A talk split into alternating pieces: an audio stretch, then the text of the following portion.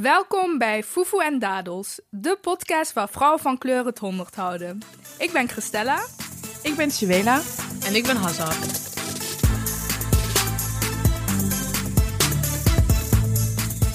Wij zijn drie vrouwen van kleur en millennial. En als vriendinnen zijn we elkaar safe space. Voor onze luisteraars willen we graag een safe space bieden en zowel onze overeenkomsten vieren als onze verschillen omarmen. Bij Fufu en Dadels zullen wij het hebben over imperfecties en zelfliefde, over politiek en kleur bekennen. Kortom, over alles wat ons bezighoudt. En over zusterschap. Altijd zusterschap. PS. Vrij gevochten spellen wij met een zachte G. Hi, Hazal hier. Welkom bij een nieuwe aflevering. A very special one this time. Omdat we deze aflevering namelijk opnemen op de 22e dag van de maand Ramadan in het islamitisch kalenderjaar 1440. Vandaag hebben we in eh, deze special als aflevering ook een special guest. Wij heten Berna Toprak, founder van Speak, moslimvrouwenbeweging in Nederland. Wel van harte welkom. De vrouwenbeweging Speak. Eh, we willen weten wie zijn deze moslimfeministen? Waarin verschillen zij van de witte Europese feministen? En eh, vooral welke strijd voeren moslimfeministen? Welkom Berna. Welkom Berna. Welkom. En welkom luisteraars. Ik uh, ben niet helemaal optimaal vandaag. Ik zit met een ontstoken oog en verkoudheid. En ik ben het vaste, dus forgive my snottige tijd. Snotteldingen. We gaan het eerst even zelf over uh, onze eigen feminisme hebben. Hè? Want we hebben vandaag dus uh, Berna in de studio. En um, ja, we, we, wilden Berna eigenlijk al super lang spreken. Maar naar aanleiding van Speak eigenlijk nog een mooiere ja, gelegenheid om jou te spreken. Ik um, wil het even hebben over mijn, uh, wat feminisme in mijn leven betekent. En uh, ik ben ook eigenlijk benieuwd naar wat feminisme in jullie leven eigenlijk uh, mm -hmm. betekent. In mijn leven is ja, feminisme echt wel gecentreerd rond zwart Afrikaans feminisme.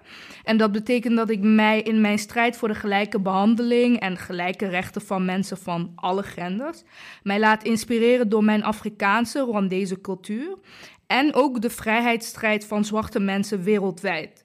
Nou, dat betekent, uh, denk bijvoorbeeld aan de Afro-Amerikaanse burgerrechtenbeweging, maar ook de strijd van zwarte Palestijnen, de strijd van zwarte Iranezen en de zwarte mensen in West-Papua.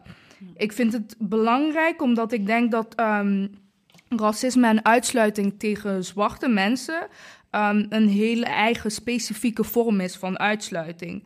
Uh, overal ter wereld waar ik naartoe reis bijvoorbeeld, moet ik nadenken over of ik daar veilig zal zijn en hoe de mensen zullen reageren op mijn donkere huid. Daar hoeven mensen met de lichte huid niet op dezelfde manier over na te denken. Nou, daarnaast zijn voor mij uh, Afrikaanse zwarte vrouwen vanzelfsprekend feminist. Door wie ze zijn en wat ze doen. Door de lef en moed die ze dagelijks tonen hier en op het continent.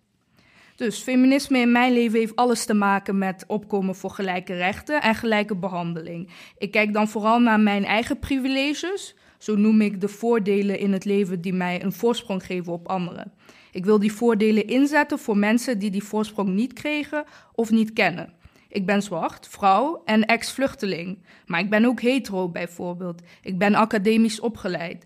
Die twee posities hebben deuren voor mij geopend die voor anderen vaak gesloten blijven. Suela hier. Uh, feminisme betekent voor mij gelijkwaardigheid voor iedereen. Man, vrouw, queer, gay, bi, lesbi. Iedereen heeft het recht op gelijke rechten. Dat is in onze samenleving nog niet zo. Daar wil ik me graag over uitspreken. Feminisme zou in mijn ogen ook vanzelfsprekend moeten zijn. Ik zie het ook als het inleven in je eigen privileges. Dus ik vind het heel belangrijk om check your own privilege first toe te passen. Ik probeer dat zelf ook toe te passen. Ik zie feminisme ook als de toekomst. We kunnen de samenleving alleen redden door feministisch te zijn. Wauw. The future is female. Ja, sowieso. Is gelegd. Lat is gelegd. Nou, super fijn, dames, dat jullie zo uh, open zijn geweest over wat feminisme voor jullie betekent. Ik denk ook dat het. Uh, dat het voor iedereen uh, dat het heel breed is en dat het voor iedereen zijn eigen toegevoegde waarde heeft, zeg maar, uit dat geheel. Dat we daar ook uit kunnen vissen. Verder, voor van uh, deze week de check-in. Wat hebben we de afgelopen weken meegemaakt, dames? Uh, inmiddels uh, zitten we al in de derde week van de Ramadan. Maar we hebben nog meer veel leuker nieuws. wij zijn vorige week eh, zijn onze eerste twee afleveringen uitgekomen. Yes, yes, yes, yes, yes. Het was very special. Ja, dat was, eh, dat was een heel bijzonder moment. En we hebben eh, vooral wat me heel erg opviel, super fijne, lieve en hele eh, supportive reacties gek- ontvangen van de luisteraars. De reacties waren echt heel bijzonder. Eh, wat mij, een van onze lievelingsreacties is denk ik wel dat heel veel mensen zeiden, we hadden het idee dat we bij jullie op visite waren, dat we bij jullie in Ja. de woonkamer de zaten. woonkamer zaten. Eh, Ja. we hebben ook reacties gekregen als van... we horen echt dat er een, een zo'n pure vriendschap tussen jullie is. En Mhm. eh, we feel honored dat wij daar eh, naar mogen luisteren... en dat we daar onderdeel Ja, van mogen worden. Dus dat was zo hartverwarmend. Ja. En wij voelen ons honored dat wij eh, dat hebben mogen bieden. Hè? Dat, Ja. eh, Ja. dat gevoel eh, mogen uitstralen. Absoluut, absoluut. En, eh, en het viel me ook op dat die, dat die eh, reacties... die kwamen echt van hele, heel veel verschillende mensen. We hadden echt vanuit onze eigen eh, vriendenkringen... Vanuit, eh, vanuit familie, maar ook echt Collega's. eh, collega's ook inderdaad wat je zegt. En... Onbekende ook nog. Heel veel onbekenden, We heel veel ook ehm, mannen, vrouwen, eh, jongere meiden. eh, Ja, we hebben een hele mooie reactie gehad van een meisje op Twitter. De, het complimentje, of het complimentje, de feedback kwam van smooth laagstreepje caramel op Twitter. En ehm, ik ga even voorlezen wat ze zei. Ze zei... En Funny eh, kan met alle drie identificeren. Met Suela, mijn Nederlandse root. En ik herken mijn zusje in het white passing. Die, mijn zusje heeft andere ervaringen dan ik. Met Christella ehm, over de zwarte Afrikaanse roots. En mijn moeder had ook dezelfde issues met haar naam als die Christella had, die ze in de vorige aflevering eh, aan ons toelichtte. En met Hajar, eh, omdat ik moslim ben en wij hetzelfde geloof aanhouden. Dus dat was voor ons echt wel een ja, hele toffe reactie, dat in één persoon, ja, allemaal terugkomen. Ja, ja. heel bijzonder. Ja. wat viel voor jou nog meer het meeste op, eh Suhela? Ehm, nou, wij hebben dus eh, reacties gehad van mensen die dus aangeven hè, dat ze ons heel toegankelijk vinden. En dat vind ik heel belangrijk. Waarom ik dat belangrijk vind, is omdat ik graag het beeld wil neerzetten dat ehm, dit soort dingen, dus een podcast en andere conversaties in de media, voor iedereen zijn. En eh, zelf ben ik eh, bijvoorbeeld niet academisch opgeleid. En heb ik in het verleden best vaak gedacht van, oh, eh, die gesprekken zijn niet voor mij. Of ik begrijp deze woorden niet. Mijn woordenschat is niet zo toereikend, zeg maar. En wat ik geleerd heb, is om dat gewoon te vragen. En dat is ook heel belangrijk, zodat ik dan eh, part of the conversation kan zijn. Als ik vraag en aangeef van ik weet niet wat dit betekent, wil je dat uitleggen, want het is belangrijk voor de content. Dan kan ik het, het gesprek ook begrijpen. En ik vind het heel belangrijk dat ehm, iedereen dat zou eh, moeten kunnen vragen. En dat we daar ook gewoon rekening mee kunnen houden met z'n allen. Dat de gesprekken die gevoerd worden eh, heel belangrijk zijn en gaan over alle lagen van de samenleving. Maar ze worden vaak academisch gehouden. En dat is ehm, ja, dan een gap die ontstaat. Ja. En hoe voel jij die gap dan eh, normaal gesproken? Waarin zie jij dat dan terug? Ik zie dat eh, terug. Toen ik wat jonger was, zag ik dat ook wel op mijn werk terug. Ehm, nu inmiddels ja, heb ik natuurlijk wel die woordenschat in die van, van de sector waar ik in werk. En, ehm, maar ik weet wel dat het belangrijk is om daarbij stil te staan. En die gap ontstaat dan door dat er dingen bepaald worden door eh, eh, beleidsmaker en de uitvoerders of de mensen waarover het gaat, die worden daar dan niet goed in meegenomen. En eh, woorden zijn zo belangrijk om part of the conversation te zijn. En ik, ja, ik zelf had het idee van, oh nee, kan ik niet vragen, want ik hoor dat toch gewoon te weten. En ik heb het bijvoorbeeld ook met ehm, artikelen lezen of essays die super belangrijk zijn, maar dat voor mij mijn Engels niet zo goed is dat ik daar helemaal eh, snel, dat kost mij veel meer moeite, laat ik het zo zeggen. Ja. Of Ja. het kost mij gewoon moeite en dat wil ik wel doen, maar het is belangrijk om dat eh, te benoemen. Ja, ja, het is zeker belangrijk om dat te benoemen. Ik denk dat eh, het wel zo is dat de mensen die de bevrijding vaak het hardst nodig hebben, die worden door academische taal vaak ook het hardst verwijderd van de theorieën die hun die bevrijding komen brengen.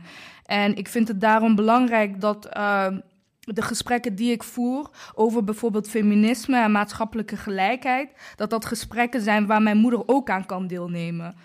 Ehm, omdat je alleen zo, ja, zeg maar, ja, open kan staan voor andermans leerproces. Je krijgt, zeg maar, ook wat wij in onze cultuur heel erg hebben, die overdracht van generatie op generatie. Maar hoe kan die overdracht gebeuren als ik dat gesprek niet met mijn eigen moms kan hebben?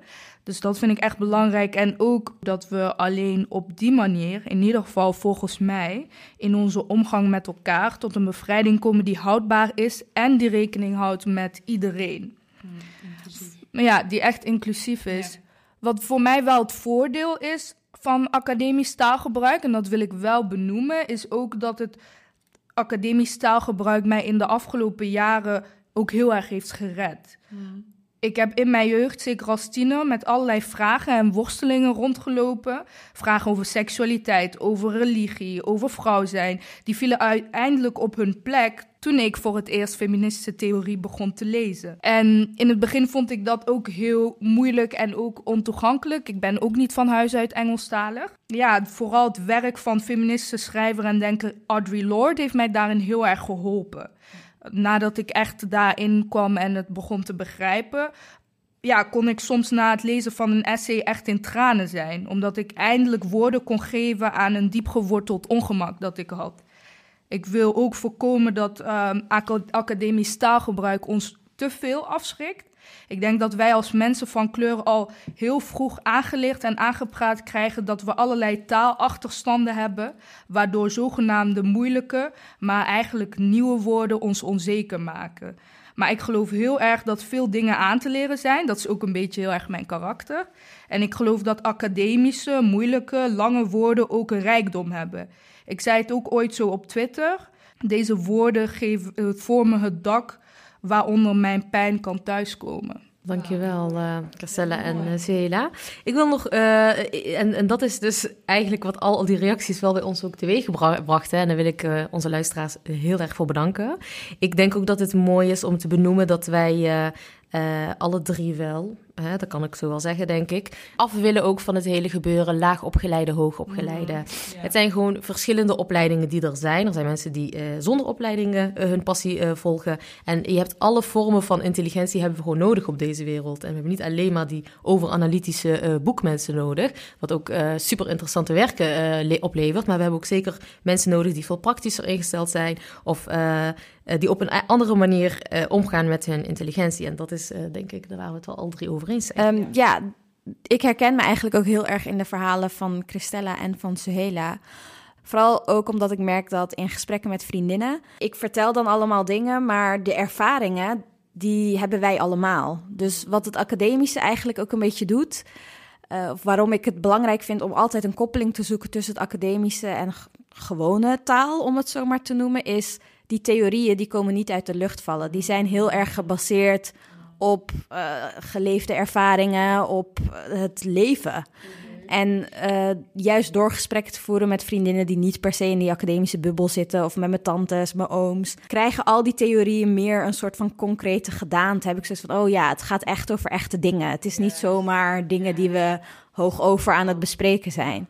Dus dat vind ik ook wel echt heel tof aan uh, Fufu en Dadels. Nou, mooi. ja. dit, was onze, dit was de Berna trouwens, die aan het woord was voor de luisteraars. Dan gaan we ook meteen door naar uh, het volgende, uh, onze volgende rubriek.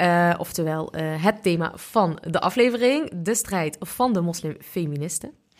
En daarover wil ik, daarvoor hebben we Berna Toprak uitgenodigd. En ik heb Berna van dichtbij eigenlijk, wat, wat intiemer mogen ontmoeten op, op jullie uh, speak-bijeenkomst. Dat was voor de Ramadan. Ja. En die werd toen gehouden in Den Haag. Ik was daar toen naartoe geweest. Ik had toen een uitnodiging per mail gekregen. En ik had je wel eerder een keer gezien, maar toen uh, kwamen we daar.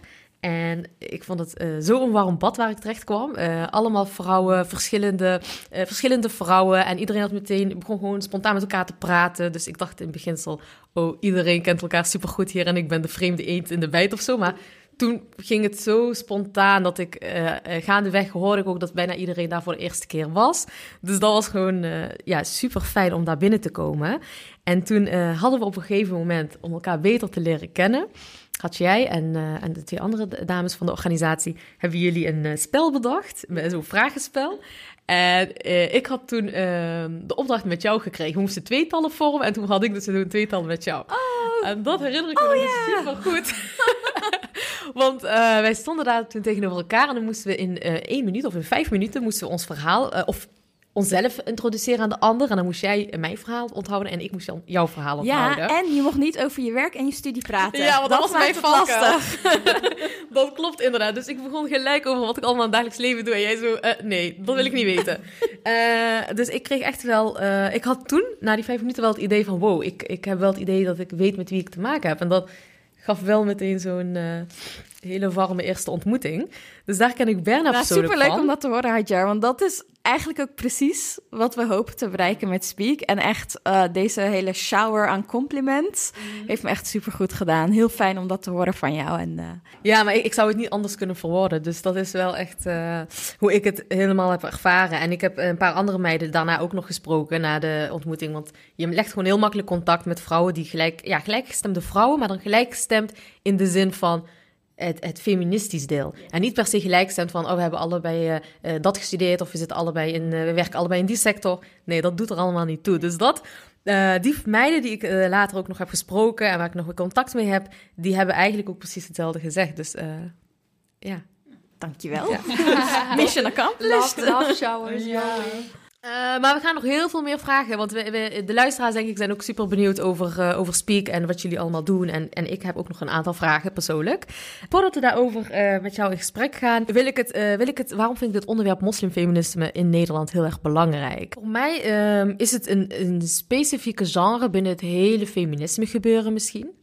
Of misschien is het andersom, dat het moslimfeminisme het al- algemene is en dat daar specifieke genres uit voortkomen. Uh, maar voor mij betekent het heel erg uh, dat ik als hoofddoekdragende moslimvrouw um, in het wit Europees feminisme, ik ga het zo specifiek benoemen, um, altijd mijzelf het gevoel heb, maar ook uh, helaas vaak in de praktijk, mezelf moet verantwoorden van jij, bent, jij noemt jezelf feminist, maar jij draagt het symbool, dus aanhalingsteken van onderdrukking. Zoals dat dus door witte Europese feministen wordt gezien. En dat is iets waar, wat, waar ik me heel erg uh, tegen. Ja, dat, dat raakt me meteen diep. Ik weet niet hoe ik dat het beste kan verwoorden eigenlijk. Het punt daarin is, uh, wat mij heel erg stoort, is dat ik. Uh, ja, je, wordt dan, je bent dan al niet meteen uh, opgenomen in de groep. Dus ik moet dan eerst gaan verantwoorden. Uh, waar ik, uh, dat ik niet onder dat de hoofddoek geen symbool is voor onderdrukking, uh, dat moslimfeminisme bestaat, wat het verschil is. Dus je moet daar dan heel erg diep in gaan duiken en dat zorgt dan voor een hele grote gat. En los daarvan willen heel veel mensen nog steeds niet omarmen, heel veel vrouwen helaas, witte vrouwen niet omarmen, dat hoofddoek geen symbool is van onderdrukking. Althans, sowieso niet voor iedereen. En als een, moslimvrouw met hoofddoek feministisch is en zegt dat ze een feminist is, dan is ze dat ook gewoon. Dat wilde ik even als mijn disclaimer voordat we het gesprek ingaan. Welkom nogmaals, Berna. Uh, kun je jezelf even voorstellen aan ons en aan de luisteraars? Ja, tuurlijk. ik ben Berna Toprak, 29 jaar. Ik woon in Utrecht en ik ben helemaal gepassioneerd over het feminisme. Of je het nou moslimfeminisme noemt of islamitisch feminisme. Ik hou daar gewoon heel erg veel van. Ik hou me daar al zeker tien jaar mee bezig, kan je wel zeggen. Uh, ik ben een trotse mama van een hele lieve kat, Zetin. Oh, Zetin, weet jullie wat ja. dat betekent? Olijfje. Ja! Hij is zo zwart als een olijfje. Hij is super nice en heel schattig. En um, ik ben dus medeoprichter van Speak. Dat heb ik samen met uh, nog drie andere supersterke, inspirerende vrouwen opgericht. Uh, Nawal, Ibtisam en Saida. En ja, het was echt super mooi om te horen hoe, hoe, hoe inspirerend dat voor ja, Hajar is geweest en andere vrouwen. Dus ik uh, hoop dat we het door kunnen zetten. Want je, jij zegt dat jullie dat uh, met z'n vieren, als ik het goed begrijp, uh, hebben opgericht. Hoe kwamen jullie uh, daartoe, zeg maar? Het was uh, eigenlijk speelden we allemaal wel een beetje met uh, het idee rond van... Hè, we zien gewoon dat er heel veel moslimvrouwen zijn... die zich echt actief inzetten in het maatschappelijk speelveld. Iedereen heeft supersterke stemmen, mooie netwerken... maar het is allemaal los van elkaar. En ik, ik zelf miste gewoon van het netwerk creëren. Bij elkaar komen en kijken hoe kunnen we de krachten bundelen... maar ook hoe kunnen we zelf een eigen agenda gaan neerzetten... En toen uh, hebben we twee strategische bijeenkomsten georganiseerd met nog meer uh, moslimvrouwen om te bedenken van oké, okay, wij hebben deze behoefte wel, maar leeft dat ook bij andere vrouwen? En toen zijn we samen eigenlijk, ja, hebben we twee dagen echt van negen tot vijf gezeten en nagedacht van oké, okay, waar staan we dan voor? Wat betekent Speak voor ons allemaal? Wat missen we nog? En zo zijn we tot een uh, ja, collectief gekomen. Heel mooi, Ja. heel mooi. Ik ben heel benieuwd naar die agenda. Wat staat er eigenlijk allemaal tot nu toe op de agenda en wat is uh, jullie strategie daarin? Ja, we zijn nu nog heel erg bezig met het vormen van een collectief. Dus echt saamhorigheid en binding creëren met de vrouwen die in het collectief zitten. De agenda, uiteindelijk hebben we drie pijlers gesignaleerd. Uh, namelijk, namelijk veiligheid op straat. Uh, we merken dat met name na aanslagen door extremisten. Uh, vrouwen zijn dan heel erg zichtbaar die een hoofddoek dragen. Dat zij veel vaker te, krijgen, te maken krijgen met geweld. Uit het rapport van Meld Islamofobie blijkt bijvoorbeeld dat 90% van de meldingen die zij krijgen afkomstig is van vrouwen. En de meeste dragen dan een hoofddoek. En het meeste geweld wordt ook gedaan door mannen. Dus daar zit een hele gendered component in. Dus dat is één onderwerp. Een, Wat bedoel je met gendered component? Dat dat dus, uh, hele goede vraag, dat dat dus heel erg te maken heeft met het vrouw zijn. Dat het niet uh, iets is wat losstaat van het vrouw zijn. En dat daarom het ook een belangrijk onderwerp is voor de feministische agenda. Om rekening te houden met op straat word je niet alleen nagefloten. Nee, als je moslim bent, heb je ook nog eens te maken met islamofoob geweld. Dus dat dat ook uh, relevant is voor de feministische agenda. Confronterend lijkt ja. me dat, ja voor, uh, voor vrouwen die daar niet mee te maken krijgen. Ik denk dat een heleboel vrouwen die geen hoofddoek dragen, um, hier minder bij stilstaan. Tenzij je moeder een hoofddoek draagt, dan Precies. sta je er weer, wel weer bij stil. Maar ik denk dat het heel belangrijk is voor niet-hoofddoekdragende uh, feministen om hier vaker bij te gaan stilstaan. Dat, dat straatintimidatie juist ook voorkomt als je je bedekt. Ja, precies. En dat is dus een van onze pijlers. En een, een andere is gelijke kans op de arbeidsmarkt. Er is volgens mij vorig jaar onderzoek uitgekomen waaruit bleek dat uh, zeker uh, jonge vrouwen die een MBO-opleiding doen, niet een stageplek kunnen vinden, omdat gewoon werknemers zeggen: ja, dat past niet binnen mijn cultuur, binnen mijn bedrijf. Dus ik wil niet iemand met een hoofddoek. En het frappante is dat dit nog door de werknemer als uh, door de uh, opleidingen wordt herkend als discriminatie. Dit wordt gezien als een legitieme claim om iemand uh, te weigeren een stageplek aan te bieden. En dat is best wel pijnlijk, omdat je dan al op hele jonge leeftijd, echt dit zijn uh, jonge vrouwen van 16, dat je daar al begint met het uitsluiten en het creëren van ongelijke kansen. En dat is wel iets waar wij uh, voor willen pleiten. En daarnaast is er gewoon, als je kijkt naar Europa, groeit het aantal hoofddoekverboden op verschillende werkplekken. En dat is eigenlijk uh, past niet in de tijdgeest van vandaag. Hoe zouden deze jonge meiden zich volgens jou kunnen weren tegen dit soort uh, discriminatie? er is eigenlijk vrij weinig wat die jonge meiden zelf kunnen doen, want het is vooral het, de werknemer waar. Uh, want het is vooral de werknemer die iets aan moet veranderen.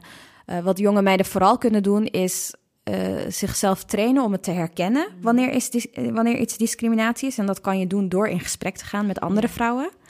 En dat daar, eh, daar dan ook een melding van maken. Er is dus een hele Facebookpagina, Meld Islamofobie. Daar kan je al je meldingen naartoe sturen. En doe dat vooral. Want jij zei van, dat wordt niet gezien als discriminatie. Dus daar kan je niet aankaarten of zo. Van... Nou, het is niet per se wettelijk kader. Ik ben, ik ben geen jurist, dus ik weet niet hoe het in het wettelijk kader in elkaar zit. Maar de mensen, de werknemer en de opleiding herkent het niet als discriminatie. Die denkt gewoon, oh, dit kan, dit mag. Terwijl als bijvoorbeeld de opleiding dit zou herkennen als discriminatoire, dan kunnen ze de werknemer daarop aanspreken en zeggen van, hé, hey, oké, dan werken wij niet meer met jou samen. Of dit is discriminatie, ik ga hier de melding van maken.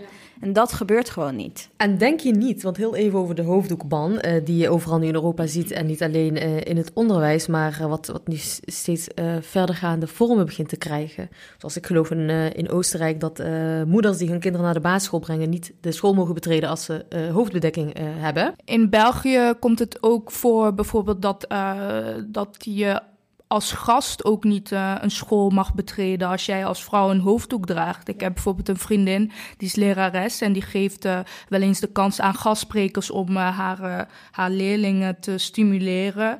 En ze heeft een keer een andere vriendin van ons uitgenodigd om te komen spreken en die mocht gewoon de school niet betreden. Dus het gaat best wel ver. Dat zijn hele, hele vergaande. Überhaupt, het begin was al vergaand, maar het, neemt steeds extremere vormen aan. En denk je niet dat zo'n hoofddoekban. Um, dat dat eigenlijk het hele wiel op gang brengt. Het feit dat het eh, dan ook niet als discriminatoire wordt gezien op de arbeidsmarkt of door stagegevers, stagewerkgevers. Uh, het feit dat het veiligheid, ehm, onveiligheid op straat veroorzaakt. Denk niet dat daar zeg maar het, de, de oorzaak ligt.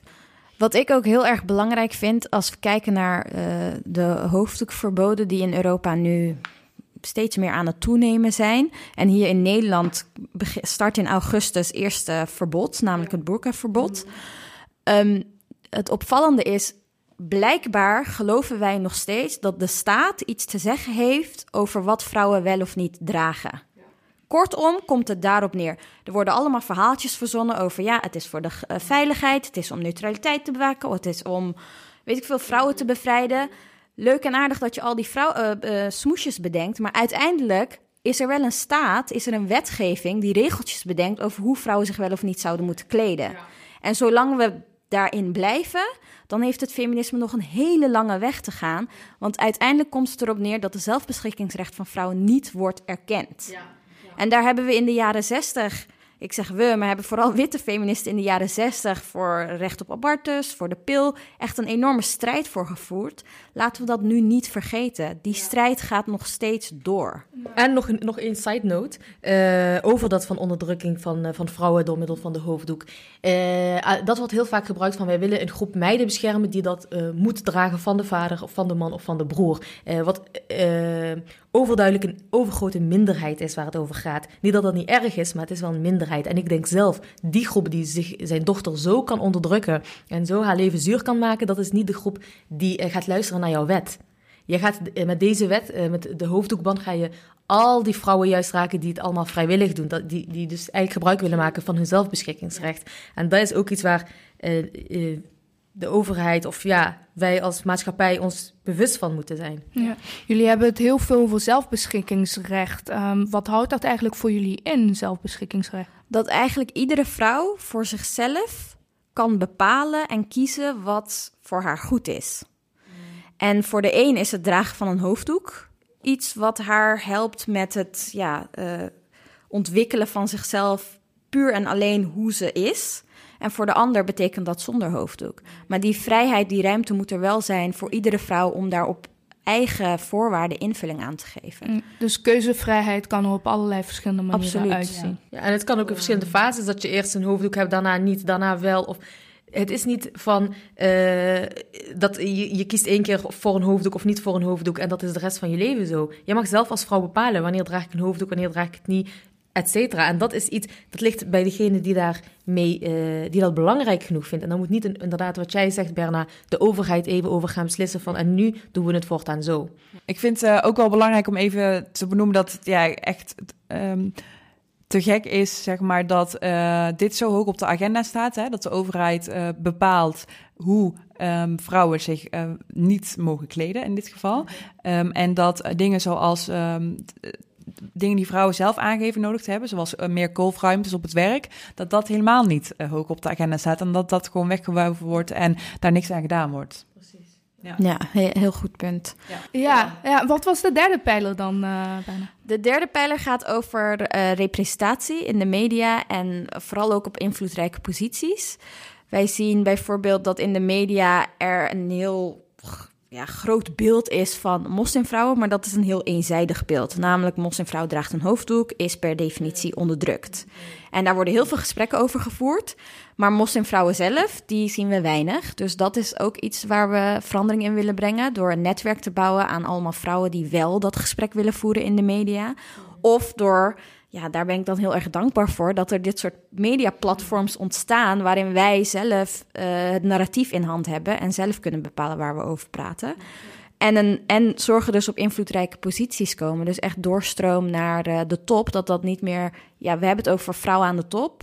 Maar welke vrouwen zijn dat dan? Ja. En over welke top hebben we het? Ja. Want vaak gaat het over alleen de top in het bedrijfsleven. Maar voor heel veel vrouwen is de moskee een dagelijk, ja, element van het dagelijkse leven.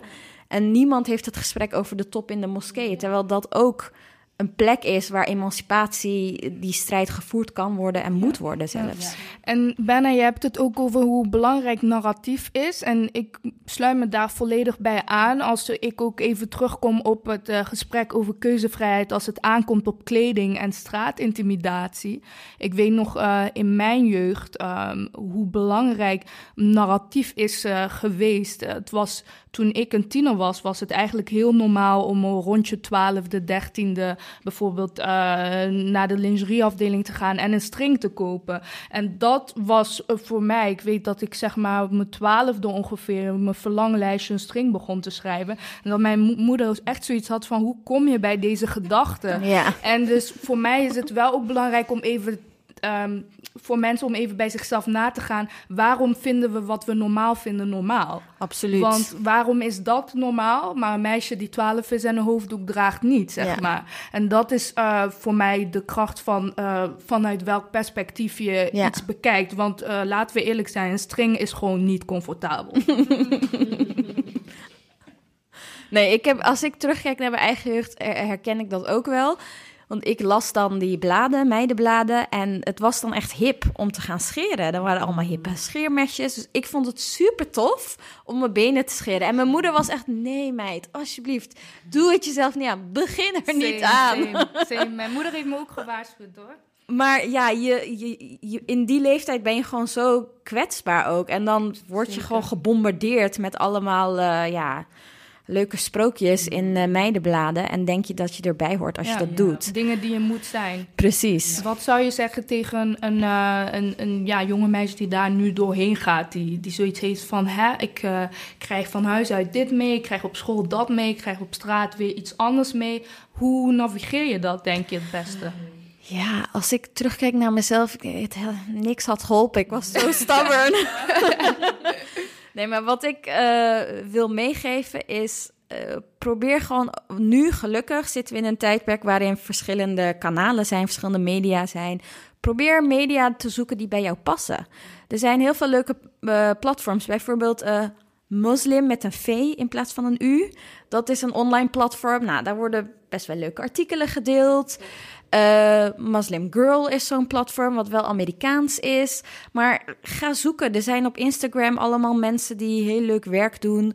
Eh, en door je meer te ja, omringen met dat soort voorbeelden en dat soort verhalen, ga je ook lekkerder in je vel zitten. Dat doe ik nu nog steeds hoor. Ik ben echt heel actief aan het zoeken van, oké, ja, die moet ik wel hebben, die moet ik niet hebben. Ja, ja, ja. En, en of, creëer, of creëer je eigen eh, eh, Instagram-account, eh, je eigen netwerk. Ga aan de slag met je eigen creatieve ideeën. Absoluut. En nog één ding, Berna. Ik ben dan wel benieuwd waar de afkorting Speak voor staat. Haha, die krijgen we heel vaak. We weten het eigenlijk nog niet. Oké. Eh, hoe die naam is ontstaan is heel grappig. Eh, er zijn op internet verschillende bandname generators. En ik heb gewoon een paar van onze waarden erin gezet. En eh, toen kwamen er een paar opties uit. En Speak was er één van. Ik dacht, nou, klinkt goed. Ja, ja, want ik, ik las hem ook echt als speak, zo van speak up. Weet Ja, je? En niet ja. als afkorting, of dat het ergens voor stond. Ik Nee, maar het is geschreven met, eh Die met puntjes. puntjes. Ja, ik dacht hoofdletters. Ik dacht van, oh, dat hebben ze leuk eh, bedacht. Zo heel creatief. Zo, waarschijnlijk staat elk letter voor iets heel Ja, we, we eh, hebben er wel dan- over nagedacht. in de Denk volgorde. bijvoorbeeld, soli is, eh, S staat voor solidariteit. Eh, en K, st- kaleidoscopisch, hebben we ook nog bedacht. Maar Wat het- over moeilijke woorden gesproken? Kaleidoscopisch. Ken je En een kaleidoscoop? Dat is zo'n... ehm, ja, dan kijk je zeg maar door een lens en dan draai je het en dan zie je allemaal verschillende kleurtjes. Het is eigenlijk een nog, Heel mooi. Het is eigenlijk een nog moeilijker woord voor intersectioneel. toch? Ja. en, En dat ehm, is, nee. Ja. en, maar we zijn nog eh, heel hard aan het zoeken van... oké, hoe kunnen we dat nou echt gaan invullen? Ja. Nee, mooi. Hij hij is wel pakkend, de Ja. naam. Dus Oh, dat dank je. is... eh, Hoe kunnen we jullie volgen? Eh, nu zijn we nog niet heel groot online. We hebben een Facebookgroep, eh Vrouwencollectief Speak. Als je dat go- opzoekt op Facebook, dan kom je er terecht. Moet je even een eh, aanvraag indienen en dan kunnen wij dat goed. En we hebben een WhatsApp-groep wat best wel actief is. Daar kan je ook bij aansluiten. Mocht je dat willen, stuur dan een mailtje naar She Speaks met dubbel E. gmail.com. Ik zit trouwens ook in de WhatsApp-groep en ik, uh, ik vind het heel interessant. Je wordt echt op, uh, op de hoogte gehouden van, van alles en nog wat. Uh, ja, dus als je Hajar in persoon ook nog eventjes wil spreken, dan weet je waar ze te vinden is. Ja. Hey, Berna, ik had eigenlijk ook nog de vraag of het een bewuste keuze is om het um, nog even een insight gesprek te houden. En als dat een bewuste keuze is, waarom denk je dat dan nodig is? Ja, dat is een hele bewuste keuze geweest, want we hebben al we waren bij de Women's March, dat was eigenlijk onze eerste activiteit. En toen kregen we best wel veel media-aanvragen. En we hebben bewust gekozen: nee, we gaan nog niet naar de media. We willen nog niet mega zichtbaar zijn. Want het is uh, heel belangrijk dat we uh, eerst even goed met elkaar kijken: van oké, waar staan we voor? Wat willen we? Waar gaan we naartoe? En vooral ook de positie van moslimvrouwen. Zoals ik al zei, in de media is een heel eenzijdig beeld. En alles wat daar een beetje van afwijkt, wordt meteen gehyped. Wordt meteen, oh kijk, dit is het niet-stereotype beeld. Terwijl nee, wij zijn het normale beeld. Jullie maken het stereotype beeld. En we willen gewoon ons niet verhouden tot dat soort frames. We willen echt zelf kijken, wat vinden wij belangrijk? En van daaruit een beweging creëren in plaats van te beginnen met ons verhouden tot bestaande frames. Dus dat is uh, inderdaad een hele bewuste keuze geweest. Mooi. Echt heel mooi. Ja, ja, ja. heel belangrijk. En uh, ik denk ook wel een, een keuze waar veel uh, jonge mensen van kleur die in de media beginnen uh, van kunnen leren. Dat het heel belangrijk is om een klankbord te hebben als veilige haven waar je terecht kan en waar je ook je verhaal kwijt kunt. Omdat het gewoon wel zo is dat de media natuurlijk wel nog steeds een business is, een machine. En het is heel belangrijk om voor jezelf uit te vogelen hoe kan ik die machine machine in dienst stellen van mij en mijn gemeenschap. Absoluut. Nou, net hadden we het um, over uh, wit-Europees feminisme, hè? Um, mm. En ik vind het wel belangrijk om um, dan ook wel even aan te geven... Van, wat hebben wij eigenlijk nodig van witte Europese feministen? Uh, wij zijn inderdaad allemaal vrouwen van kleur. Um, ook ja, wel westers, we wonen hier. Mm -hmm. Maar wat uh, denken jullie? Uh, wat we nodig hebben... Ja, nodig vind ik een beetje een lastige term. Wat we van elkaar kunnen leren... Er is al een hele strijd gevoerd op bepaalde vlakken door uh, witte feministen, met name als het gaat over de arbeidsmarkt. En nu, uh, wij als moslimvrouwen uh, kunnen heel veel leren van... oké, okay, wij hebben nu ook te maken met discriminatie op de arbeidsmarkt... om wat we dragen, omdat we een vrouw zijn. Wat kunnen we van elkaar leren? Uh, er wordt een strijd gevoerd door witte feministen... met name de top te bereiken. Ik denk dat moslimfeministen, uh, moslimvrouwen er ook baat bij hebben om meer zeggenschap te hebben in hoe moskeeën worden bestuurd. Dus daar we, kunnen we zeker iets van leren. Maar aan de andere kant, het wit feminisme kan ook nog heel veel van ons leren. Dus, en wat het wit feminisme van ons kan leren is, uh, het, ik denk, het zelfreflectiverend vermogen. Het vermogen om te realiseren van hé, hey, er is niet één perspectief op de wereld, er zijn meerdere perspectieven op de wereld. En als vrouw van kleur word je gewoon met, ja, met dat inzicht geboren, gewoon puur en alleen door je positie in de maatschappij. Als vrouw van kleur um, heb je te maken met één, je bent vrouw, dus daar uh, krijg je, je leeft toch wel in een ja, patriarchale samenleving, in een samenleving waar vooral mannen uh, het voor het zeggen hebben. Dus dan loop je daar al tegen van, oh, er is blijkbaar een ander perspectief dan wat ik ervaar. Hoe breng ik dat perspectief naar binnen? En vervolgens komt daar nog een laag bij. Want dan kom je bij een club vrouwen, maar als dat een club witte vrouwen is, dan kom je weer tot de realisatie van, oh shit, mm. ik deel wel sommige ervaringen, maar niet alle ervaringen, want op sommige delen verschil ik weer juist omdat ik moslim ben of omdat ik zwart ben of whatever. En dan kom je weer tot een realisatie, nog een realisatie dat er niet één waarheid is. En dat is denk ik uh, wat ik probeer te zeggen. Dat er, geen, dat er wij verschillende historische achtergronden hebben. En dat daaruit verschillende uh, vormen van feminisme zijn ontstaan. En dat het heel fijn zou zijn als het wit feminisme oog heeft voor andere vormen van feminisme, uit welke, vanuit, vanuit waar ze zijn ontstaan. En dat je daarom niet dezelfde strijd per se uh, in essentie voelt. Wel in essentie juist voelt, maar niet in de vorm. Mm. Uh, en een voorbeeld daarvan, uh, wat ik dan zou willen geven, is dat het islamitisch feminisme uh, juist is ontstaan vanuit dat heel veel, um, na de komst van de islam, dat heel veel vrouwen geleerden werden, dat ze eigen universiteiten hebben opgezet, eigen boeken. Dus het educatieve en vrouw zijn is nooit in de e-, eerste tijd van de islam is dat nooit een punt van discussie geweest van, oh, daarvoor moeten wij vechten. En er waren juist uh, gaandeweg andere vormen waar wij tegen moesten vechten. Dus ik denk dat dat heel typerend is voor de eerste uh, islamitische gemeenschappen, dat er heel veel verschillen waren in vrouwen, maar ook in een queer community die er was uh, en die vrij met elkaar kon leven. En ja daar waar nu heel vaak wordt gezegd van ja, maar vanuit jullie cultuur of vanuit jullie achtergrond um, moet je daar tegen, extra tegen vechten. Ja, nee, dat is eigenlijk is dat heel veel smeur wat in de 18e het, eeuw. Het beeld klopt niet. Het is vooral door, het, door het kolonialisme ook uh, gecreëerd. Dat, dat ja. gecreëerd, ja, inderdaad. Ja, en ik was vorige week was ik nog bij een hele interessante lezing wel weer op een universiteit. En daar vertelde uh, iemand die ik bewonder, Alia Al-Saji heet ze, echt uh, super toffe auteur.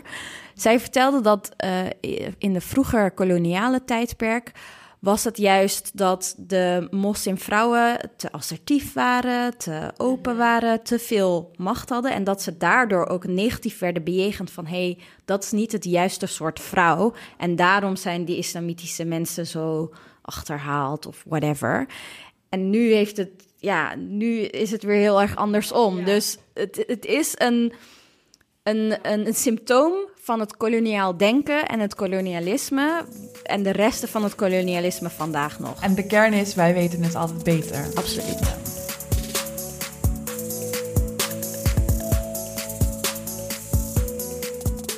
En um, heb jij nog luister- en leestips uh, voor uh, de luisteraars van Fufu en Dados die hier meer over te weten willen komen, die meer willen weten van hey, patriarchisme of uh, wat, wat houdt dat nou in, moslimfeminisme, wat kan ik lezen?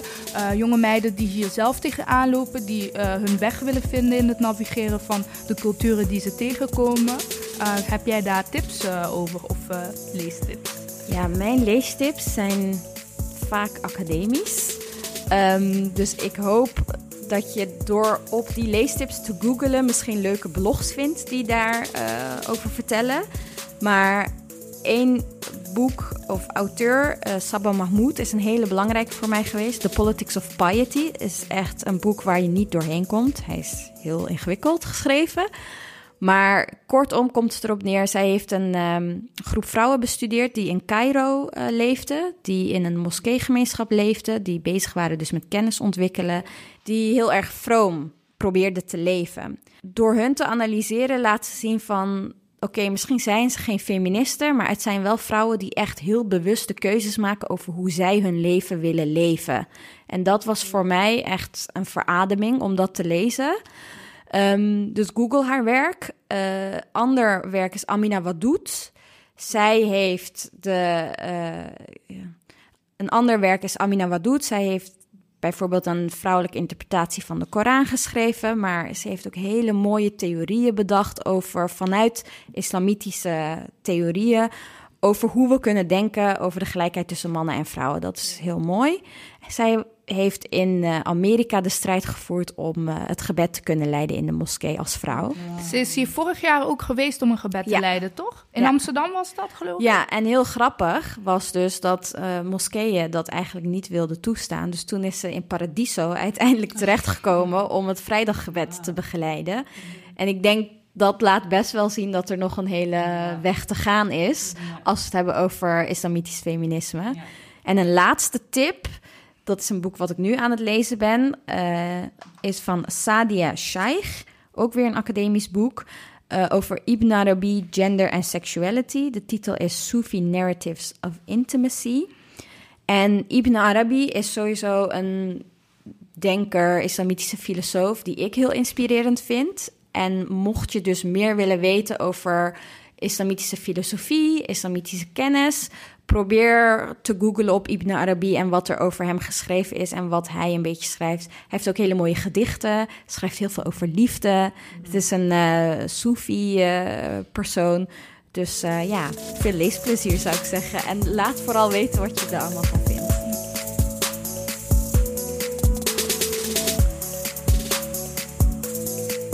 Dan is het nu tijd voor de rubriek Wat het heet, wat is zoet. In deze rubriek bespreken wij um, iedere podcast aflevering dingen die ons uh, bezig hebben gehouden, die ons geïnspireerd hebben of um, die ons juist heel erg geïrriteerd hebben. en um, ik zal beginnen met iets uh, zoets. iets. ehm, het, ja, het is een, eh, ik heb een boek gelezen van Tatjana Almuli. En het boek heet Knap voor een dik meisje. Het is eh, voor het eerst in jaren dat ik een, eh, een boek gekocht heb en hem ook echt daadwerkelijk helemaal uitgelezen heb. Ik ben zo iemand die boeken vooral verzamelt, zeg maar. En dan ergens in begint of eh, ja, ik gelukkig. Die heb ik, heb ik uitgelezen en ik zal ook uitleggen waarom. Het greep mij echt in de eerste hoofdstukken eh, ja, meteen. Tatjana is super ehm, open in haar boek. Ehm, ze vertelt eh, vooral in de eerste hoofdstukken over haar eh, eh, geschiedenis, over haar familiegeschiedenis ook. En ze schrijft dan bijvoorbeeld ook van toen ik als kind was ik al een, een mollig meisje. En dat is eigenlijk de enige periode in mijn leven geweest dat mijn gewicht sociaal geaccepteerd werd. Nou ja, dat, ja, dat komt gewoon echt binnen. En ze is ehm, ja, direct dus heel openhartig. Waardoor ik echt getriggerd werd om gewoon verder te gaan lezen. Wat ik eh, heel belangrijk vind, een aantal dingen uit het boek eh, om te benoemen, is het, ten eerste het woordje dik. Het staat ook al in de titel, hè? Knap voor een dik meisje. En het refereert aan een eh, gesprek dat Tatjana ehm, had toen ze, ik denk rond de 17 was, met een jongen. Die haar dan heel leuk vond. En dan dacht haar een compliment te geven door te zeggen: Je bent zeker wel knap voor een dik meisje. Mm, Ja. Ja. En ehm, zij vertelt ook in het boek van dat we het woord dik, ehm, in ieder geval zij pleit daarvoor om dat te gewoon te gaan gebruiken, omdat het een feitelijke omschrijving is, omdat wij als samenleving dat woordje, dat wij daar een negatieve associatie mee hebben en dat dat helemaal niet zo zou hoeven zijn. En dat het gewoon belangrijk is om dat echt te benoemen. Ze geeft ook aan van dat ze het zelf bijna voelde als een soort van coming out als dik persoon. Om dat woord ook gewoon te gaan gebruiken. Want zei ik negeerde het, ik sprak er niet over. En dan dacht ik dat ja, dat, dat, dat gesprek eh, dan dus er ook niet hoefde te, hoefde te zijn. En ze legt ook uit bijvoorbeeld hoe ze gedurende het loop van haar leven, ehm, ook nu nog, vaak eh, gewoon opmerkingen krijgt van, oh, je bent afgevallen. Of, eh, oh, misschien is dit, dit dieet iets voor je. Dat mensen daar gewoon doen. En ik vind het heel belangrijk om dat te benoemen, omdat als niet-dik persoon je daar dus ook niet mee te maken krijgt. En ehm, dat jij bijvoorbeeld kan denken, als je een dik persoon ergens een frietje ziet eten, goh, zou die dat nou wel doen? Ja, die persoon eh, heeft gewoon het recht om te eten wat, wat hij wil. En dat soort dingen, daar, daar sta je dan niet bij stil. En wat ik ook nog heel belangrijk vond ehm, om te benoemen, is dat Tatjana zegt van, eh, als we het hebben over representatie, ehm, dat zij die eh, als kind niet had. Dat ze en dat klopt ook zo. Hè? Als je kijkt naar de Hollywoodfilms, dan is een dikke vrouw altijd of de grappenmaker, de komiek, als ze al in de hoofdrol zit, of het is de leuke vriendin van de eh, hoofdrolspeelster die slank is. En wat voor beeld geef je dan af? Nou, volgens mij dat je dus als dikke vrouw niet die dingen als succes, carrière, liefde eh, kan vinden. En ja, het was zo'n eye-opener om dat zo te lezen. Van ja, dat klopt, die representatie die, die is er gewoon niet. En eh, als we, ja, wat ik hierin wel interessant vind, is dat ik hele, ja, in grote lijnen wel overeenkomsten zie met gewoon ook wat jullie vertellen over het moslimvrouw zijn. Denk je, Berna, dat er ook een bepaalde soortgelijke, heb jij al eens soortgelijke eh, complimenten gehad? Eh, je, bent, eh, je bent mooi voor een dik meisje, maar dan in de moslima meisje vorm. Heb je daar een voorbeeld van? Ik merk vaak voor mijn werk, ik werk bij een vrouwenorganisatie en dan geef ik vaak workshops over beeldvorming en stereotypering in de media. En eh, als ik zo'n workshop heb ge- gegeven, komen er vaak mensen op me af helemaal enthousiast. Echt zo van bijna fangirlen, van oh my god, wat heb je het goed gedaan. Het is een compliment en ik neem hem ook van harte, maar het komt wel uit een onderschatting. En dat is toch een beetje dat je denkt, oei. Denkt van, je bent, wat ben je slim voor een Ja. moslimmeisje? Het wordt, het wordt ook wel eens benoemd, toch? En echt zo van, eh, ja, van jou. Van, ja, dat jij dat hebt gezegd en dat jij dat hebt gedaan. Ja. Dat zijn gewoon... Dat, eh, dat is ook, ja. ook wat inderdaad. eh dankjewel, Christella, voor die eh, eh, ehm, overeenkomst, zeg maar. Dat, om dat te schetsen. Want het is ook wel wat Tatjana vertelt. Dat ze zegt van. van men, mensen denken vaak dat dikke mensen per definitie dom zijn en lui zijn. En daar niks aan doen. Dus ze vertelt, want ze heeft ehm, een aantal jaar geleden meegedaan met het programma Obese. Daar vertelt ze ook over. Daar is heel openhartig over. Dat het haar wat gebracht heeft, maar ook eh, dat het ook wel moeilijk was om dat te doen. En dat ze dan bijvoorbeeld scènes moesten naspelen. Dat ze dan ineens een eetbui had. Terwijl en ze zei van ja, die scènes kun je natuurlijk niet naspelen. En dan kwam de crew al aan met eh, zakken chips en roze koeken. Van speel maar even na, want dat moet dan voor de, hè, voor de kijker. Terwijl zij zei, die, die, die eetbuien, ja, die, ja Heftig, het, is, man. het is echt, ja, lees het boek echt. Dus ze zei van, maar dat, die eetbuien, die heb ik op momenten, die, ja, daar kun je dan niet inschatten. En dan, en dan ga ik dan krijg ik die en dan, dan als ik alleen ben. Dus die kun je niet bijna niet zetten. Nee. Dat is best wel traumatisch natuurlijk om dat te doen. Dus vertelt ook Ja. bijvoorbeeld, wat ik ook heel heftig vond om te lezen, was van ehm, als ik boodschappen ga doen en ik heb dan bijvoorbeeld zin om lekkere dingen te kopen, of ik voel van nou, er komt een eetbui aan, dan zorg ik er altijd voor dat ik ehm, ook heel veel gezonde dingen in het boodschappenkarretje heb. Want anders krijg je die, hè, terwijl als wij een zak chips halen, of een, dan denken mensen gewoon, oh nou, die heeft een feestje vanavond, prima, daar hoeven wij niet over na te denken. Ja, Als mensen ja. die- Zijn er dingen waar jij eh, twee keer bij moet nadenken om te doen eh, op straat of in de supermarkt als eh, moslimvrouw? Ja, ik heb daar twee verhalen bij. Eentje is zeker na een aanslag. Dan merk ik gewoon bij mezelf. Ik voel de druk om continu te glimlachen. Want als ik niet ga glimlachen, I don't know what's gonna happen. En soort van, ik moet iets goed maken. Ik moet bewijzen dat dit niet het enige gezicht is. Terwijl ik heb niks te maken met zo'n aanslag. Dat is één, dat, daar merk ik het heel erg bij. En een ander verhaal is eh, samen met mijn partner, voordat we getrouwd waren, liepen we een keer op straat. En hij komt eh, uit een vrij seculier gezin, dus zijn zusjes dragen geen hoofddoek. Eh, maar wij liepen dus samen op straat en ik draag een hoofddoek. En hij- ik merkte gewoon dat hij heel erg op zichzelf ging letten en op mij ging letten van loop ik voor hem, achter hem. En ik zei van wat gebeurt er? Waarom doe je zo? En toen zei hij letterlijk ik wil niet overkomen als die man die zijn vrouw onderdrukt. Omdat ik daar aan het, met hem aan het lopen was en een hoofddoek droeg. Ik dacht van holy shit, weet je, het is niet alleen maar, het heeft niet alleen invloed op vrouwen, maar het heeft ook invloed op mannen en daarmee ook op relaties tussen mannen en vrouwen die moslim zijn. En toen realiseerde ik me eigenlijk nog meer hoe heftig het eigenlijk is, het, eh, het soort van geweld wat eigenlijk wordt aangedaan. Wat ik ook bij mezelf vaak merk en wat ik heel vaak zie bij andere meiden met, eh, met een hoofddoek of misschien zelfs ook zonder hoofddoek, moslimvrouwen, is dat je op, op plekken, werk, school, heel erg eh, nadenkt over dat je aan de ene kant wil laten zien in je verhaal dat je dus niet onderdrukt bent. Je gaat echt, de, de, de, de, het wit feminisme gaat echt als, of, of het wit, de witte norm gaat echt als norm, eigen norm eh, creëren op zulke plekken. En dat je tegelijkertijd wilt laten zien van, ja, ik ben ook gewoon Nederlands en ik vind dat ook allemaal gewoon normaal. Maar je wilt ook je mening zeggen. Dus je bent const, constant, ben je heel voorzichtig een doorgang aan het zoeken waarop je ehm, je eigen persoonlijkheid eigenlijk een beetje wilt laten zien. Omdat als je hem boem laat zien, dan ben je gewoon bang en je ja, ik ben daar eigenlijk haast van overtuigd dat er dan allerlei stickers op wordt geplakt. Want je moet eerst bewijzen wat je allemaal niet bent, voordat je jezelf kan laten zien. En dat is eigenlijk de dagelijkse gang van zaken. Heb je het gevoel dat je het masker van de acceptabele moslimvrouw op moet zetten? Ja, en, en ook een beetje het, de, de, dat ik het draag van wat ik bij hun... Eh, het is zo'n witte omgeving, dus eh, de, de, de, het gevoel wat ik bij hun ga creëren... dat is meteen waar ze over alle vrouwen, moslimvrouwen zullen denken. Dus ik, ik voel eh, zo'n collectieve verantwoordelijkheid, zeg maar. En ik, ik, bij mij is het niet per se een masker van de acceptabele moslim, maar ik voel dat er al een soort van masker op mij wordt geprojecteerd. En dat ik eerst uit dat masker moet vechten voordat ik mezelf kan zijn. Voordat mensen mij kunnen, zijn voor, kunnen zien voor wie ik ben. En dat herken ik zo erg in wat jij zegt met al die labels. Ik vertel dat wel eens van, ik merkte dat heel erg bij mijn studie. Toen communicatiewetenschappen aan de UvA studeerde, super wit bolwerk.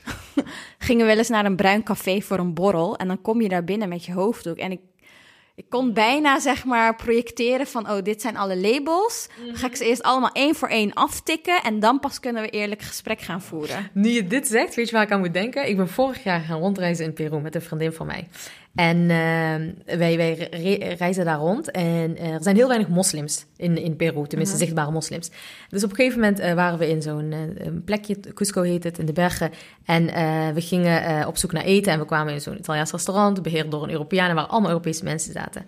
De twee weken dat ik in Peru heb gereisd, ben ik nooit door Peruanen op een rare manier bekeken of nagekeken. Of weet ik veel wat rare opmerkingen te horen gekregen. Ik loop dat restaurant binnen en ik zie al die hoofden woem, naar mij.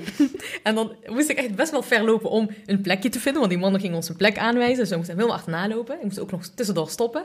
En iedereen bleef me aankijken en ik hoorde gewoon Nederlanders echt praten van... hey, heb je ze hier ook al? En dat was even mijn... Dat is even mijn, mijn, mijn, mijn confrontatie met die Europese eh, witte... eh, eh, vooroordelen, of ik weet niet eens hoe ik dat allemaal moet gaan benoemen, want er zijn heel veel dingen tegelijk wat er dan op zo'n moment gebeurt. In mijn vakantie waar ik in een uh, Zuid-Amerikaans land helemaal van al die bevolking geen ene last heb gehad. Al, gewoon in dat restaurant voor, voor de anderhalf uur dat wij daar zaten was al... Uh, was gewoon even weer back in. Wauw, heftig. Ja hey, maar dames, we hebben het eigenlijk eh, heel veel gehad over de witte blik en hoe witte mhm. mensen naar ons kijken. Maar um, wij zijn natuurlijk ook een podcast van vrouw van kleur. En ik, we hebben gezegd dat we het honderd willen houden als vrouw van kleur onderling. Um, en ik wil toch eigenlijk wel de moeilijke vraag stellen, maar denk ik wel de noodzakelijke vraag.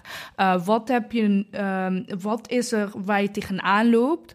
Um, binnen gemeenschappen van kleur. En dan heb ik het specifiek over vrouwen van kleur die geen hoofddoek dragen en vrouwen van kleur en zwarte vrouwen die geen uh, moslima zijn.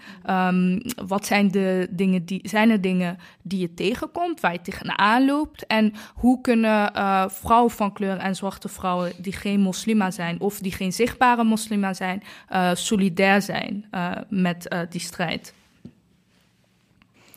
Um, ik merk zelf dat uh, dit hoofddoek niet alleen uitvergroot wordt in het witte Europese perspectief, maar ook in de moslimgemeenschappen. Je wordt zeg maar als hoofddoekdragende vrouw opgehemeld aan de ene kant, maar aan de andere kant wordt er ook een, ja, de lat wordt zo mhm. hoog gelegd. Het is onmogelijk dat je daar als vrouw aan kunt voldoen, zeg maar. Ja, ja. Dan wordt, al, zeg maar, op het moment dat je je hoofddoek draagt, is het bijna alsof andere mensen het idee hebben van... oh, ze draagt een hoofddoek, dus daarmee heb ik recht... om alles te vinden over haar en haar levensstijl. Mhm. Terwijl dat is helemaal niet de reden waarom ik mijn hoofddoek draag. Mhm. Dus behandel mij gewoon hoe je elke andere vrouw behandelt. En een andere keerzijde daarvan is dus dat er een soort van tegenstrijdigheid wordt gecreëerd... tussen verschillende groepen vrouwen. Namelijk de vrouw die een hoofddoek draagt en een vrouw die geen hoofddoek draagt.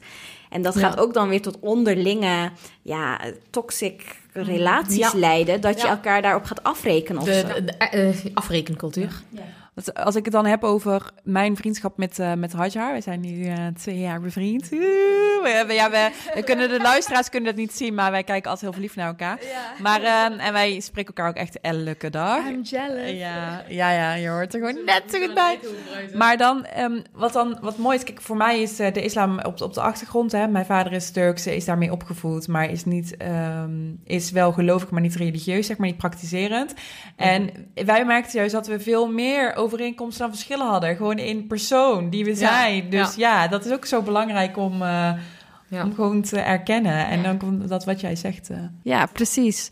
En ook dat, dat, dat, mm, weet je, dat je als moslimvrouw die geen hoofddoek draagt niet uh, moslim genoeg zou kunnen zijn. Of niet even goed moslim zou kunnen zijn als iemand die wel een hoofd. Ik vind dat gewoon heel raar. Want of je religie beleeft of niet, dat is niet alleen van je kleding af te lezen. Ja, ja dat hebben wij ook. Uh... En, en, dat is denk ik juist precies wat ons zo heel erg, uh, onze, ons, onze relatie zo heel, heel mooi maakt. Onze vriendschap, vriendschapsrelatie. nee, is, is eh, ook dat stuk uh, dat wij dat uh, element van het afrekenen, mm. dat is bij ons niet aanwezig. nee, nee.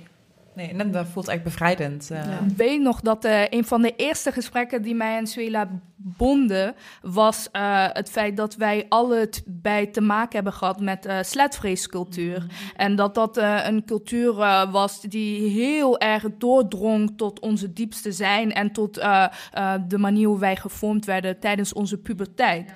En daarin uh, herkenden, hadden wij gewoon een hele sterke uh, herkenning. En wat uh, ja, heel, ja, zeg maar best wel een terugkerend thema is, mm. is inderdaad die afrekencultuur, die sletvreescultuur, de manier hoe we ondanks uh, de, de uiteenlopende achtergronden die we hebben, of de uiteenlopende manieren hoe we uiting geven aan onze religie of geloofsbeleidenis, dat we toch uh, te maken krijgen met die blik van de ander, die ook geïnspireerd is door of witheid, of dominante mannelijkheid, of toxic mannelijkheid zelfs. En als ik daar nog één ding aan mag toevoegen, en dat is eigenlijk uh, ben, heb ik nooit echt in het openbaar zo gezegd. Maar ik heb een tijdje gehad dat ik niet zo meer wist van... oké, wat moet ik nou met mijn hoofddoek? Ja of nee? Hoe dan? En wat dan? En toen ben ik op een gegeven moment gaan experimenteren... dat ik gewoon dacht van ik ga naar mezelf luisteren. Als ik het wel voel, ga ik hem dragen. Als ik hem niet voel, dan ga ik hem niet dragen.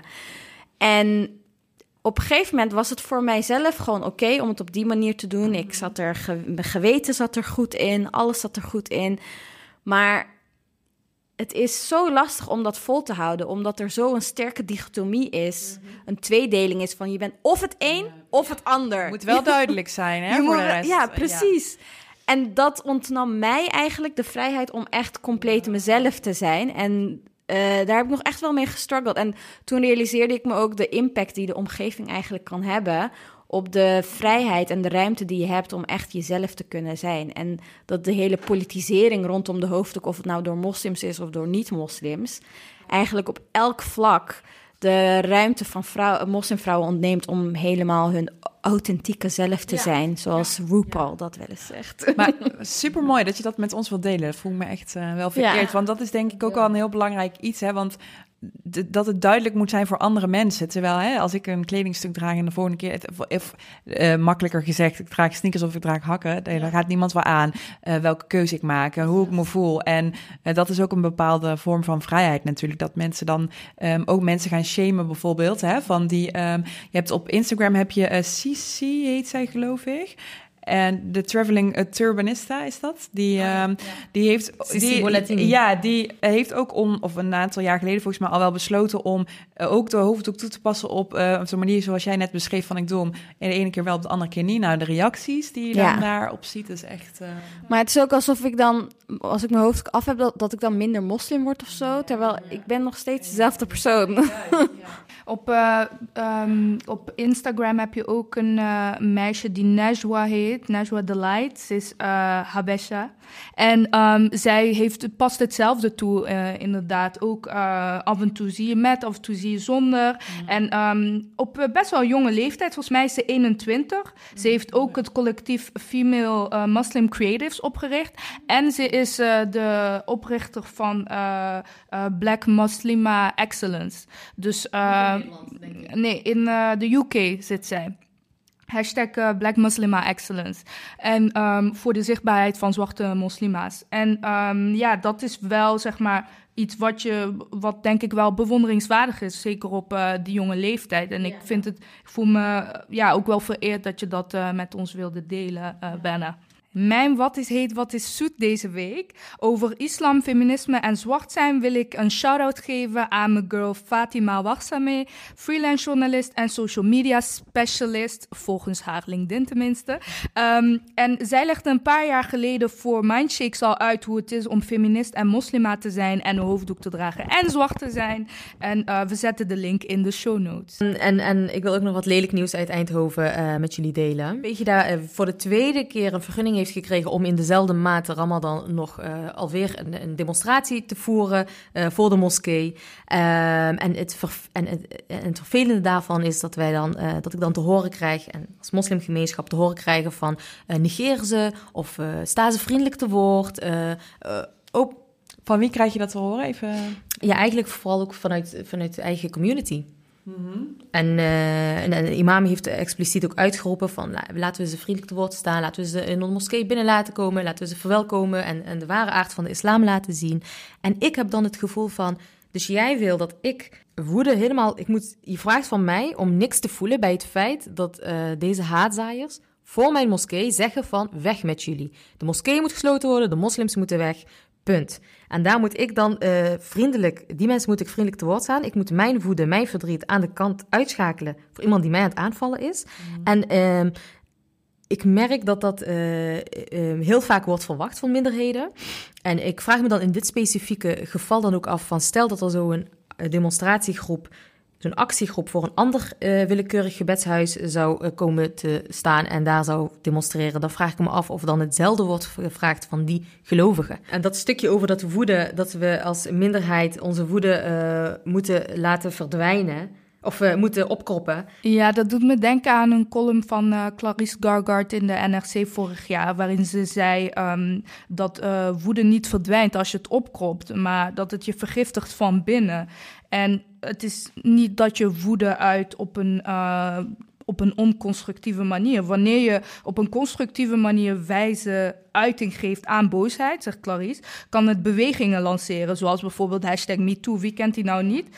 En ehm, Audre Lorde, die we net al noemden, zegt ook: het doel van haat is vernietiging, maar het doel van woede is transformatie. Dus laat je woede ook vooral zien. En dankjewel, Clarice Gargard, voor deze mooie quote. Nou, en dan zijn we bij deze, uh, het einde gekomen van uh, deze aflevering. Uh, Bernard Toprak, super bedankt. ja, het was echt een heel fijn gesprek met jou. Dankjewel dat ik er mocht zijn. Ja, ik vond het super fijn. Dankjewel voor je openhartigheid. En onze eerste gast natuurlijk, van Fufu en Dadels. Ja, nou, je hebt lat wel heel hoog gelegd. Dus oh. bij deze. Ja, ja. Het is echt een compliment shower. Iedere gast moet hier komen. En dat tijdens het vasten. Ja. Doe dat maar na. Ja. Alles wat we vandaag hebben besproken vinden jullie terug in de show notes. En we hopen dat jullie van deze aflevering uh, hebben genoten. Dank jullie wel voor uh, jullie steun, voor de steun tijdens uh, de launch. Blijf vooral luisteren. Abonneer jullie op ons kanaal. wij bedanken Dipsaus om ons een platform te bieden. Een heel belangrijk platform dat ons geboden wordt. In samenwerking met Dag en Nacht Media. Dankjewel Dag en Nacht Media. En wij hopen dat je de volgende keer weer gaat luisteren. En voor alle mensen die meedoen met de Ramadan, nog veel succes met de laatste loodjes. En een hele fijne eind toegewenst. Eid Mubarak, Bayram Mubarak. Enjoy. Bye. Bye. En nog een shout-out voor onze